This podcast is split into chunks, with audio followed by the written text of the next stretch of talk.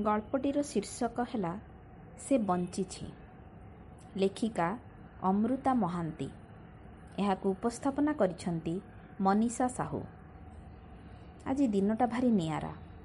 କେଇ ବର୍ଷ ହେଲାଣି ଏଇ ଦିନଟିରେ ତାକୁ ପ୍ରମାଣ ମଗାଯାଏ ବଞ୍ଚିଥିବାର ତା'ର ବର୍ତ୍ତମାନର ଆଉ ସେ ବି ବୋଲମାନେ ଚାବିଦିଆ କଣ୍ଢେଇ ପରି। ବର୍ଷକର ମଇଳା ଦେହକୁ ସଫାସୁତୁରା କରି ବ୍ୟାଙ୍କରେ ନିଜର ଜୀବନ ଖାତାରେ ଉପସ୍ଥାନ ପକାଇ ଆସେ ନିର୍ଲଜଙ୍କ ପରି। ପ୍ରକୃତରେ ସେ ବଞ୍ଚିଛି? କିଏ ଜାଣି? ଭୁଲିଗଲାଣି ସେ। କେମିତି ବଞ୍ଚନ୍ତି?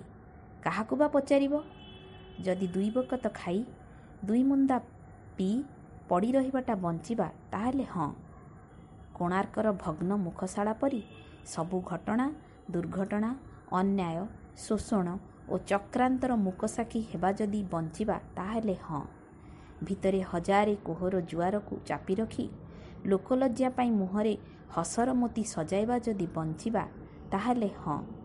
ନିଜର ଶୁଖିଲା ହସ ତଳେ ଓଦା ଓଦା ମନକୁ ଲୁଚାଇ ରଖିବା ଯଦି ବଞ୍ଚିବା ତାହେଲେ ବୋଧେ ହଁ। ଆଲଣାରେ ପଡ଼ିଥିବା ଧଳା ଶାଢ଼ୀର ସରୁ ସୁନେଲି ଧଡ଼ିକୁ ଅନେଇ ଅନେଇ ମନେ ମନେ ଅନେକ ଅଭିଯୋଗ କରିଚାଲିଥିଲା ସେ ମନର ମଣିଷ ପାଖରେ। ଅଧ ବାଟରେ ହାତ ଛାଡ଼ି ଚାଲିଗଲା ବୋଲି ଅସରା ଅସରା ଅଭିମାନ ଢାଳି ଚାଲିଥିଲା। ଖାଲି ମୁଠାଏ କାଗଜରେ କ'ଣ ବାକି ବାଟ ଚାଲିହେବ? ବାପାଙ୍କ କାମରେ ହୋଇଥିବା ଲୁଗା ପିନ୍ଧିକି ଯାଅ। ନହେଲେ ଲୋକ କହିବେ ବୁଢ଼ୀଟାକୁ ହତାଦର କରୁଛୁ। ଆମର ବି ଗୋଟେ ମାନ ସମ୍ମାନ ଅଛି ନା? ଭିତରୁ ବୋହୂର ମାଲିକାନା ଭରା ସ୍ୱର ଶୁଭିଗଲା। ହୁଁ ବୋଧ ବଞ୍ଚିଛି। ଭାବନାରେ ପୂର୍ଣ୍ଣଚ୍ଛେଦ ଟାଣି ଆଲଣାରୁ ଲୁଗାଟାକୁ ଆଣି ଗୁଡ଼େଇ ହୋଇଗଲା। ଆଶ୍ୱାସନା ଭରା ଆଲିଙ୍ଗନ ସତେ।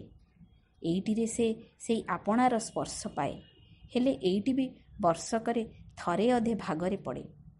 ଚାରିଚକିଆ ରଥ ପ୍ରସ୍ତୁତ ହୋଇଗଲାଣି। ସାମ୍ନା ଦୁଆର ଖୋଲି ବସିବାକୁ ଯାଉଥିଲା ବେଳେ ପୁଣି ଶୁଭିଲା ପଛରେ ବସ ସେଠି ଟମି ବସିବ। ତାକୁ ପଛ ସିଟ୍ ଭଲ ଲାଗେନି। ଟମି ସଗର୍ବେ ପଛକୁ ବୁଲି ଖତେଇ ହେଲା। ଦୁଇ ଚାରିଥର ଭୁକି ତାକୁ ତାର ସ୍ଥାନ ଦେଖେଇ ଦେଲା। ରଥ ଗଡ଼ି ଚାଲିଲା। ତା ସହ ତାଳ ଦେଇ ଦୁଇଧାର ଲୁହ ଗଡ଼ି ଆସିଲା। ଆଉ ସେ ଉଷୁମ ପରଶ ତାକୁ ଚେତାଇ ଦେଲା। ସେ ବଞ୍ଚିଛି ହଁ ସେ ବଞ୍ଚିଛି